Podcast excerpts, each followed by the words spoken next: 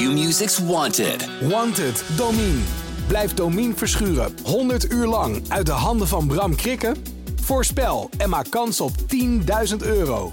Volg het vanaf 13 mei bij Q-Music.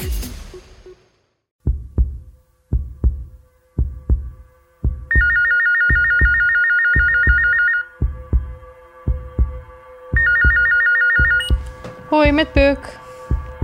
Goedemiddag, met Rick Haas, afdeling radiotherapie, Antonie van Leeuwenhoek, ziekenhuis Amsterdam. Ik je gelegen? Eh, ja hoor, ik ben thuis.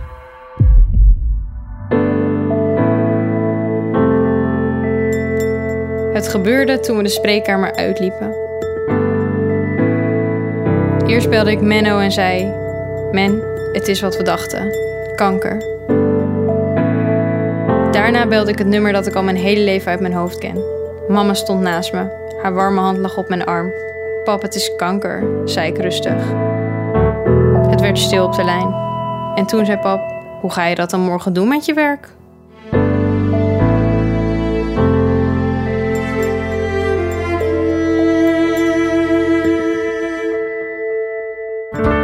Leven met kanker.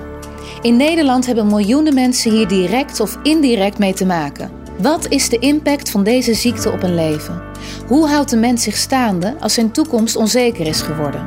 Mijn naam is Marlijn Weerdenburg. In deze podcast maak ik een wandeling met iemand die leeft met kanker. En tijdens die wandeling staan we stil bij het leven. Want ook al heb je kanker, er is zoveel om voor te leven. Hey goedemorgen. Hi, goed je te zien. Goed jou te zien. Ja, Hoe gaat het met je? Ja, hartstikke goed. Ja? Ik zit lekker in mijn vel op dit moment. eh, zonnetje erbij en eh, ik voel me goed. Dat doet ons goed hè, dat zonnetje. Ja, ach, ik was er echt aan toe.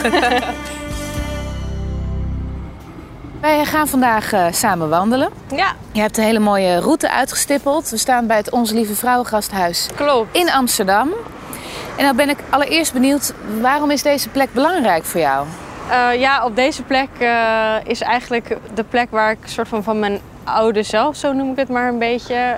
dus wat meer onbezonnen en jong professional, carrière en toekomstgericht. ehm, ja, een hele andere wereld erbij kreeg. Namelijk de wereld van dit ziekenhuis en andere ziekenhuizen ook. Ehm, en kanker.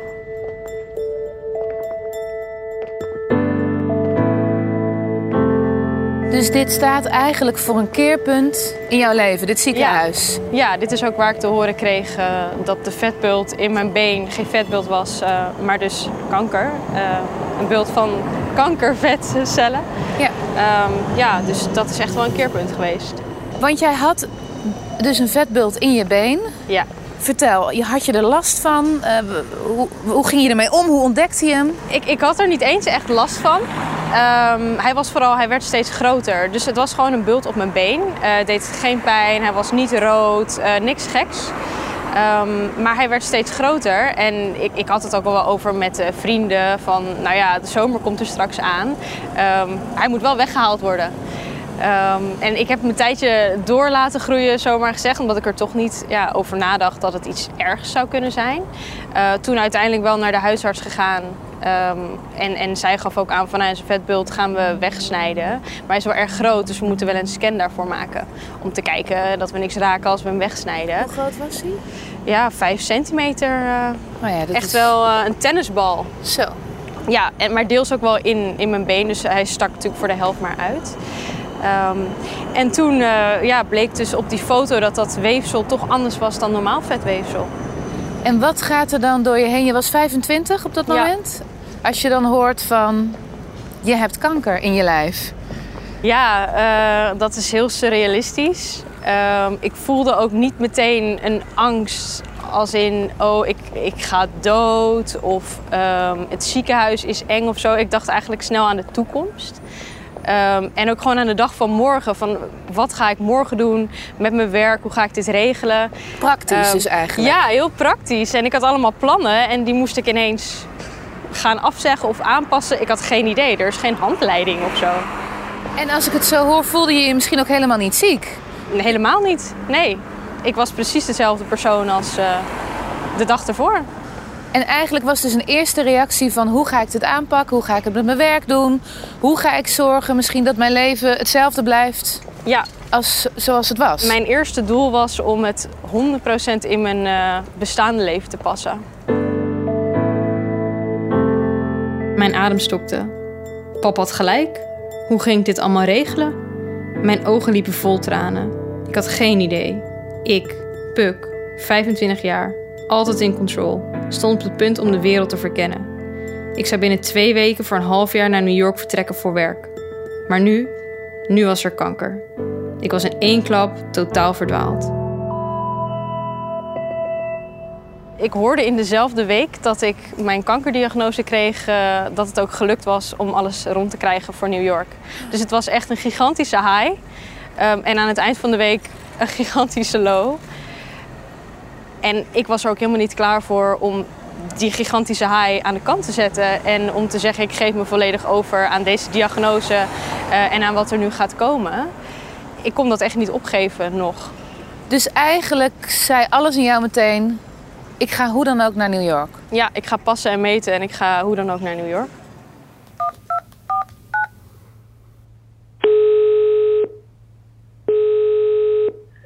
Dag Rick, met Marlijn. Het is Hallo. Ik bel met Rick Haas, bijzonder hoogleraar radiotherapie en behandelend arts van PUK over de zeldzame vorm van kanker die PUK heeft getroffen. PUK heeft een zeer zeldzame vorm van vetweefselkanker. En uh, die is zeldzaam en de vorm die PUK heeft is het zogenaamde myxoïd liposarcoom en die komt maar twee keer per miljoen Nederlanders per jaar voor.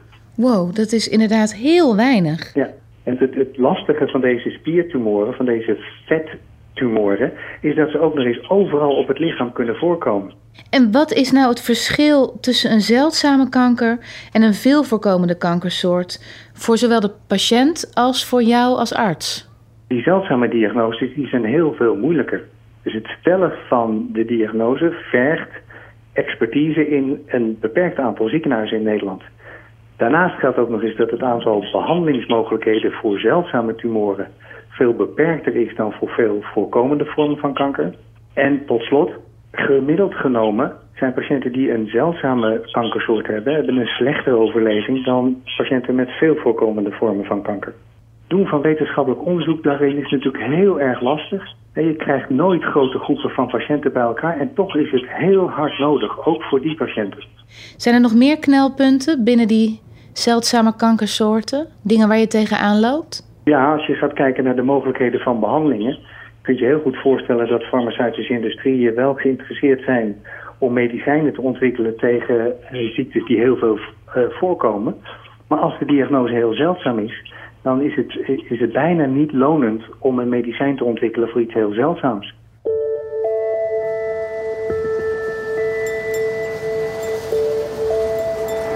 En Puk, hoe gingen ze je behandelen? Uh, nou, ik werd eigenlijk best wel snel doorverwezen naar het Antonie van Leeuwenhoek ziekenhuis. Uh, ze gaven aan dat ze daar gespecialiseerd waren in uh, zeldzame kankers. en dat er ook een onderzoek gaande was van dokter Rick Haas over minder bestralingen voor mijn type kanker. Ja, we lopen even het Oosterpark in. Het belooft echt een hele mooie dag te worden. De vogeltjes hebben er zin in. Ja, heerlijk. Worden de bouwvakkers net al zingen? Ja, ik ben zo benieuwd. Wat waren voor jou nou de overwegingen om mee te doen aan dat experimentele onderzoek met minder bestralingen? Um, ja, nou ja, tijdens mijn gesprek met Rick Haas gaf hij ten eerste heel veel informatie. En ja, daaruit kwam eigenlijk ten eerste naar voren voor mijzelf dan dat het gewoon veel positieve effecten zou hebben. Uh, dus wondcomplicaties zouden lager zijn. Minder bestraling is ook beter voor je huid. Um, ja, je krijgt tijd terug, want je hoeft zeven keer minder bestraald te worden. Um, dus dat was voor mij eigenlijk een directe benefit die ik zag. Um, en daarnaast vond ik het ook heel belangrijk om mee te doen aan dit onderzoek ook voor de mensen na mij. Um, omdat het toch een hele zeldzame vorm van kanker is. Dus er zijn al weinig mensen die aan dit soort onderzoeken mee kunnen doen. En dan is het ook nog zo dat twee derde van de mensen nee zegt op onderzoek. En hoe is de behandeling uiteindelijk gegaan? Ik ben uiteindelijk 18 keer bestraald. Um, nou ja, en dat gaat dan 18 dagen achter elkaar elke ochtend. Um, en toen, redelijk snel na mijn bestralingen, ben ik naar New York gevlogen. Echt een paar dagen na mijn bestralingen. Ehm, toen heb ik daar ja, gewerkt en mijn leven geleid. En ben ik ongeveer drie maanden daarna teruggekomen voor de operatie. Drie maanden na terugkomen voor je operatie. En toen was je dan een paar weken even terug in Nederland. Ja, toen ben ik ongeveer drie weken terug in Nederland geweest om te revalideren. Ehm, en daarna weer op het vliegtuig terug naar New York gegaan. Uh, en dat klinkt misschien heel heftig. Ehm, maar ik vond dat zelf heel fijn, want dat was voor mij de manier om ja, mijn oude leven toch niet helemaal los te laten. En toch die kans van die buitenlandervaring te kunnen pakken. Ehm, en ik was ook ontzettend blij en ik voelde me gesteund door ja, de artsen van het Antonie van Leeuwenhoek, omdat zij zo erg met mij meedachten. Um, en ik vind dat heel belangrijk in deze levensfase, omdat normaal gesproken verwacht je misschien dat als je kanker krijgt, dat je alles uit je handen laat vallen. Um, en ook vanuit artsen dat behandeling het allerbelangrijkste is en overleven. Um, maar voor mij was dat natuurlijk ook ontzettend belangrijk, maar dat is ook nog een heel ander deel van mijn leven. En ik denk dat dat ja, in mijn leeftijdscategorie en levensfase extra belangrijk is. En ik was echt blij en ik voelde me gesteund in dat zij met mij meedachten. Want je bent jong en je staat op het punt om uh, de wereld in te duiken. En je wil dat niet ook helemaal in de ijskast zetten. Je wil ook dat, dat je daarin verder kan bouwen. Ja, 100 procent. Uh, en je ziet ook om je heen dat jouw vrienden die luxe wel allemaal hebben. Um, ja, en je bent dan niet bereid om dat al op te geven. En, en scheelde die verkorte behandeling voor jou in de kwaliteit van leven? Voegde dat echt iets toe, die zeven dagen? Ja. Um, nou ja, ten eerste dat ik in die zeven dagen uh, New York aan het ontdekken was... in plaats van uh, onder het bestraalapparaat lag. Dat scheelde natuurlijk. Um, ja, dat is een heel andere invulling uh, en een veel leukere invulling. En ja, ik genoot daar echt van. Samen met mijn vriend, die was op dat moment in Boston. En daarnaast, ik had nul wondcomplicaties. Um, dus ik heb af en toe wel een rolstoel gebruikt in New York, maar sporadisch. Um, dus ik kon ook gewoon ja, weer normaal leven daar bijna. Dus dat scheelde ontzettend. En zaten er nog meer fysieke voordelen aan, aan die verkorte behandeling? Um, nou, vermoeidheid is iets. Elke bestraling is weer vermoeiend. Um, en ik was best vermoeid, maar ja, ik denk dat die week minder bestraling daar ook wel in scheelde. Dus ik heb wel gewoon de stad kunnen verkennen en ben redelijk prettig aan mijn werk kunnen beginnen daar. Um, dus ik denk dat vermoeidheid en wondcomplicaties uh, ontzettend scheelden. En daarnaast was de tumor ook substantieel kleiner geworden. Um, en ik weet niet of die veel kleiner was geworden met 25 bestralingen. Volgens mij niet. Um, daar kan Rick Haas ook een stuk meer over vertellen. maar ja, dat scheelde ook. Er was veel meer be bewegingsvrijheid. Rick, wat is het belang van een maatschappelijke organisatie als KWF als we het hebben over het thema zeldzame kanker? Ja, ik denk dat dat een van de weinige loketten is waar je kunt aankloppen om uh, wetenschappelijk onderzoek van de grond te krijgen op het gebied van dit soort zeldzame tumoren. Zoals ik net zei, de, de farmaceutische industrieën die coveren wel allerlei onderzoek van veel voorkomende uh, tumoren. Maar ook die patiënten met die zeldzame tumoren, die hebben echt recht op goed en gedegen wetenschappelijk onderzoek. En daar, ja, daar moet je dus voor naar KWF toe. En van alle zeldzame kankersoorten, eh, wat dreef jou nou om onderzoek te gaan doen naar die ziekte van PUK? Ja, mensen met uh, vetweefselkanker, zoals PUK, dat zijn overwegend jonge mensen in de bloei van hun leven. En die ziekte die zit dan vaak in hun armen en benen. En voor elke beweging die je elke dag weer doet, heb je je armen en je benen nodig. Het aankleden, het eten. En als je daar dan nog een kwaadaardige zwel in krijgt, dan moet je daar onderzoek naar doen om het beter te maken. En dat was mijn grote drijfveer. Ik heb het uh, verhaal van Puk nu, nu gehoord en uh, volgens mij ben jij heel erg belangrijk geweest uh, in haar leven. Het was een voorrecht om haar te mogen helpen.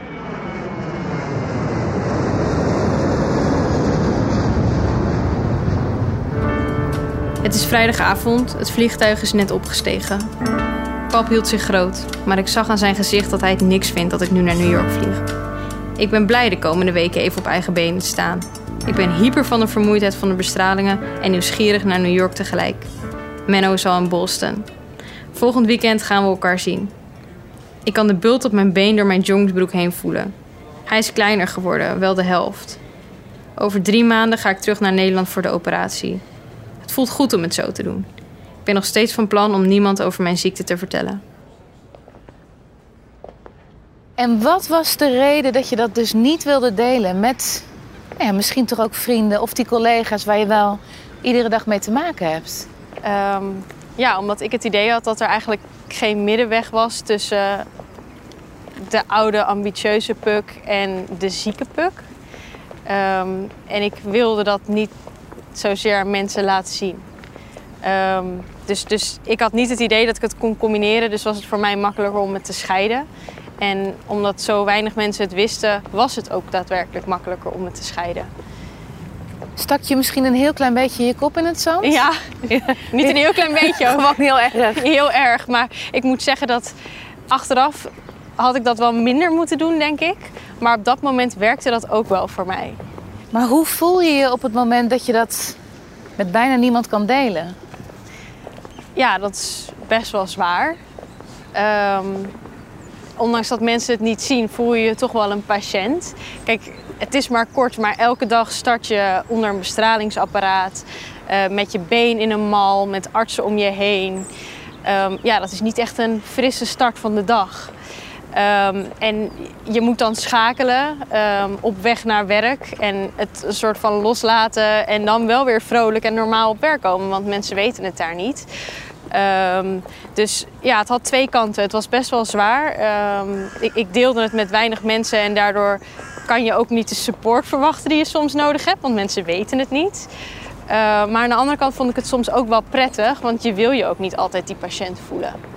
Dus bij de mensen die het niet wisten, kon ik wel nog een beetje mijn oude zelf zijn. En dat heb je soms ook wel nodig. En had je het dan juist mentaal zwaar of fysiek echt ook nog zwaar? Ehm, vooral mentaal eigenlijk. Kijk, fysiek had ik alleen nog last van vermoeidheid. Ehm, wat overigens ook wel je mentale staat verergert, denk ik. Ehm, maar ja, toch mentaal. Dus je voelt je alleen, overweldigd. Soms ja, is het gewoon best wel veel. Eh, heb je het idee dat je veel ballen in de lucht houdt. En ja, dat breekt je op een gegeven moment misschien ook wel op. En zit een deel van het verwerken van zo'n proces ook niet juist in delen? Ja. Ja, daar kan ik nu volmondig ja op zeggen. En dat is mij ook wel verteld aan het begin. Uh, van dit heeft ontzettend veel impact op je leven en dat moet je toelaten en erover praten en verwerken. Ik heb ook folders gehad van lotgenoten en praatgroepen, maar ik wilde daar in eerste instantie helemaal niks van weten. Uh, dus ik heb dat misschien zelfs niet eens echt gehoord toen het me verteld is. Wanneer kwam voor jou het kantelpunt? Het keerpunt? Toen op een gegeven moment kwam mijn vader een week naar New York. Uh, hij wilde graag ja, zien waar ik werkte op dat moment. En ook vond hij het best wel lastig om te zien um, dat ik zo snel na de operatie alweer wegging. Dus hij wilde gewoon graag komen. En toen ja, viel het hem ontzettend tegen hoe het met me ging op dat moment. Um, dus hij schrok. Hij schrok. Hij zei: Je komt bijna als zombie uit werk. Uh, je hebt de energie niet meer om te koken. Uh, je gaat eigenlijk best wel heel vroeg naar bed. Um, heel emotioneel. Ik was op dat moment, ik huilde best wel veel, maar dat zag ook niemand. Want ja, ik was s'avonds alleen. Um, dan lag je alleen in je bed te huilen? Ja. Oh. Niet elke avond, nee, maar regelmatig. Maar... Um, en als er dan ineens en iemand bij is... je dan? Wat dacht je dan? Waarom huilde je? Omdat je moe was? Omdat je, omdat je bang was? Ja, omdat ik wist dat het niet goed ging. En omdat ik ontzettend de behoefte had aan rust en comfort. En misschien ook wel uh, liefde of support. Uh, maar dat ik niet wist hoe ik dat ging krijgen, omdat ik het ook zo ver had laten komen. Um, dus een beetje verdwaald of, of ik weet het niet, overweldigd. Dat Misschien soort ook eenzaam? Ja. Letterlijk en figuurlijk ook, omdat je die weg toch grotendeels ook alleen begaan bent. Ja. En uh, ja, toen ik dus niet meer eenzaam was en mijn vader er een week was, uh, kwam dat toch naar buiten. Dat kan je dan niet wegstoppen. En hij zei van ja, hier moeten we iets mee. Um, en toen hebben we denk ik twee, drie dagen daar steeds over gepraat met z'n tweeën. En uiteindelijk best wel snel de knoop doorgehakt van dit moet je ook aangeven op werk. En ik denk dat het goed is als je met mij meevliegt naar Nederland. Ehm, dat vond ik wel meteen heel veel van het goede. Ehm, dus toen heb ik het denk ik in een week of drie afgebouwd. En ben ik uiteindelijk teruggekomen naar Nederland. En hoe heb je het toen aangepakt? Want het ging niet goed met jou. Nee.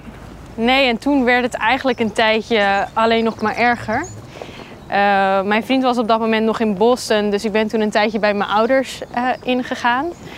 En ja, ik heb uh, vrijgenomen van werk. Um, en toen ben ik uiteindelijk zes weken thuis geweest. Op de bank gelegen, geslapen. Um, ja, kon op, op dat moment ook eigenlijk alleen nog maar wandelen en lichte boodschapjes doen en puzzelen. Er kwamen mensen langs, maar het was echt een ja, low-pace leven op dat moment. Ik moest ja, bijkomen, energie opbouwen en gaan bedenken wat nu. Um, en dat wilde ik niet nog een keer zelf doen.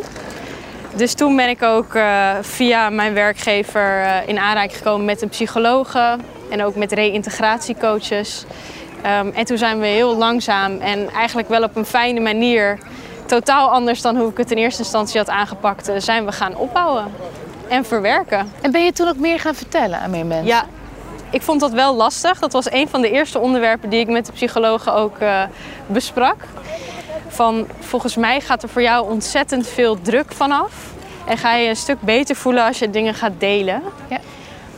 En dat ben ik uh, langzaam gaan doen. En echt uh, in eerste instantie met rollenspellen met de psycholoog, omdat ik het zo moeilijk vond. Maar uh, ja, uiteindelijk is dat steeds beter gegaan en voelde ik me daardoor ook opgelucht. En je krijgt meer begrip en je merkt ook dat het niet iets is wat erg is. Ja. er zijn juist hebben mensen daardoor meer respect voor je en, en staan ze meer open en vinden ze juist heel krachtig in plaats van een patiënt. Dus dat maakte mijn wereld ook weer wat groter in plaats van alleen maar intern. We lopen inmiddels al een tijdje in het Oosterpark. Waarom is dit park zo belangrijk voor jou? Het Oosterpark is voor mij, ja, staat eigenlijk symbool een beetje voor de nieuwe ik. Um, dus toen ik terugkwam in Nederland en toen ik langzaam weer ging opbouwen, um, ja, toen werden ook andere dingen belangrijk voor mij. Uh, zoals bijvoorbeeld veel buiten lopen, uh, met mensen praten tijdens het lopen, lekker lezen op plekken zoals het Oosterpark. en in Amsterdam wonen is dan niet per se het meest ideale. dus ik heb toen een overzicht voor mezelf gemaakt van oases in Amsterdam. En lekkere plekjes waar ik gewoon kon zitten en even kon genieten van ja, de natuur en het leven en de zon. En dit is er één van. Je hebt het over je nieuwe ik. En, en, en wanneer is die dan gekomen? Echt vanaf het moment dat jij terugkwam uit New York en met jezelf aan de slag ging? Ja, toen is die nieuwe ik begonnen met ontwikkelen. Zo zeg ik maar. Dus het, het ja, ik denk een half jaar na dato um, van de diagnose en ik dat ging toelaten, toen is dat ook begonnen, ja, de ontwikkeling van de nieuwe ik. En wie is die nieuwe ik? Wie is die nieuwe Puk? Hoe zou je die omschrijven? Uh, nou, het is nog wel een work in progress, denk ik. Uh, maar ik zou voornamelijk zeggen dat ik probeer meer met de dag te leven. Um, ik was best wel toekomstgericht en carrièregericht en had het idee dat het leven ja, maakbaar was. Waar je denk ik ook wel in deze levensfase um, in bevestigd wordt. Als je hard werkt, dan kom je er wel. En ja, alles wat je kan, dat kun je, of wat je wil, dat kun je bereiken. En dat is tot op zekere hoogte wel zo. Maar ik heb natuurlijk meegemaakt dat het ook helemaal niet het geval is eigenlijk. Je hebt niet altijd de controle. En je kunt wel plannen maken, maar ja, je weet niet wat de toekomst jou brengt. Dus uh, ik probeer, en dat doe ik ook steeds meer, met de dag te leven en te genieten van de kleinere momenten. Uh, en ook de dingen die ik plan meer naar voren te halen. Uh, dus dat is een hele belangrijke. En daarnaast mijn werk, mijn work-life balance is best wel veranderd. Um, ik laat me ten eerste niet meer zo gek maken door de young professional cultuur en door hoeveel uren je wel niet werkt en dat je s'avonds nog mailt. En ja, ik heb dat echt achter me gelaten. Ik ben bijvoorbeeld ook 36 uur gaan werken in plaats van 40 uur. Dus ik ben op woensdag vrij. En dat vind ik heerlijk. En voorheen, de oude ik zou misschien zeggen van... hé, je zit nu, hé, je bent 26, waar heb jij een dag vrij voor nodig? Je moet jezelf laten zien en bewijzen. En de nieuwe ik is er eigenlijk hartstikke trots op. Ben je meer open geworden? Of Ja, ik ben zeker meer open geworden. Ik merk ook dat als ik, hoe opener ik ben, hoe fijner ik me ook voel. Ehm, en niet alleen in mijn ziekte en in daarover praten, maar ook gewoon in andere dingen waar je tegenaan loopt. Ik geef bijvoorbeeld veel sneller mijn grenzen aan. Ehm, op werk, maar ook in privésfeer. En ja, ik ken niet veel mensen die dat eigenlijk doen. En ik op vind- 26-jarige Ja. leeftijd? dus ik herken dat ook hè, aan mijn lichaam en ik heb daar ook mee leren omgaan. En ik communiceer dat ook en dat werkt eh, heel goed. Dat vind ik heel prettig. Ehm, dus zeker. Dus eigenlijk kunnen we wel zeggen dat het een enorme positieve ontwikkeling is Ja. geweest die je hebt doorgemaakt. Ja, ik, ik zeg altijd van ik zou het niemand toewensen. Ehm, het is echt wel een hele zware mentaal en fysiek reis geweest de afgelopen anderhalf, twee jaar. Maar het heeft me zoveel opgeleverd. Ehm, en waar ik in het begin van dit proces heel verdwaald was en dacht... ik moet mijn leven opnieuw inrichten en hoe ga ik dat doen... zie ik dat nu meer als iets positiefs. Van, ik heb op deze leeftijd een reset gehad. Ehm, en de vrijheid om mijn leven helemaal opnieuw in te richten. Op een manier waarop ik dat wil. En ook een hele bewuste keuze. En niet een soort pad dat voor je uitgestippeld is en waar je maar gewoon in meewandelt. Ehm, dus ik zie dat reset moment ook bijna als een soort cadeautje. En daar probeer ik ook regelmatig naar terug te denken van... doe ik nu nog wel de dingen vandaag eh, waar ik blij van word? Het maakt je zoveel bewuster. Ehm, gewoon van het leven met de dag. Ehm, en van hoe breekbaar en niet maakbaar het leven is. Ehm, je waardeert ook de kleinere dingen meer. Ehm, je let ook meer op dingen. Het, ja, het maakt je een bewuster eh, mens. Nou ja, dan heb je inmiddels vijf goede scans gehad. Komt het gevoel dan steeds dichterbij dat je denkt van... ik ben er bijna, ik, ik, ik, ik ben beter? Ehm, niet echt eigenlijk, als ik eerlijk ben. Althans, ik durf nog niet te zeggen van ik ben schoon of ik ben er vanaf. Ehm, het voelt toch als een soort van ja, zwaard van Damocles of een soort stemmetje in mijn hoofd die er wel nog steeds is. Ehm, dus ja, ik ben elke keer wel blij en opgelucht ehm, dat ik door kan. Maar we zeggen wel steeds tegen elkaar weer vier maanden. We kunnen weer vier maanden door. Eh, en nog nooit van het is klaar. En ik weet ook niet wanneer dat komt en of dat komt. Nee, maar nu voelt het steeds als vier maanden. En eerst wil je er helemaal niet over praten. Hè, met, met, met alleen je inner circle. Ja. En nu zijn we hier toch al een hele tijd aan het praten. praten over, hè, over kanker. Over Ja. wat jij hebt meegemaakt. Wat, wat zorgde ervoor dat je dit toch wilde gaan doen? Nou, ten eerste omdat het dus mij een goed gevoel geeft om erover te praten. Ehm dat heb ik al een aantal keer gezegd van het, het, ja, het lucht op. Ehm, en het is elke keer toch alweer een klein stapje in een bepaalde verwerking. Dus dat is één. Eh, en twee is voor mij omdat ik had er nog nooit echt van gehoord van iemand die in mijn levensfase met dezelfde struggles bezig was. Dus hoe ga je dat inrichten? Ehm, en ik hoop dat als mensen dit horen en zich daarin herkennen, dat zij er ook wat uit kunnen halen. Of contact met mij op kunnen nemen. Of ja, op een bepaalde manier zich niet alleen voelen in hun gedachten en hun gevoelens. Want dat voelde ik me eigenlijk wel.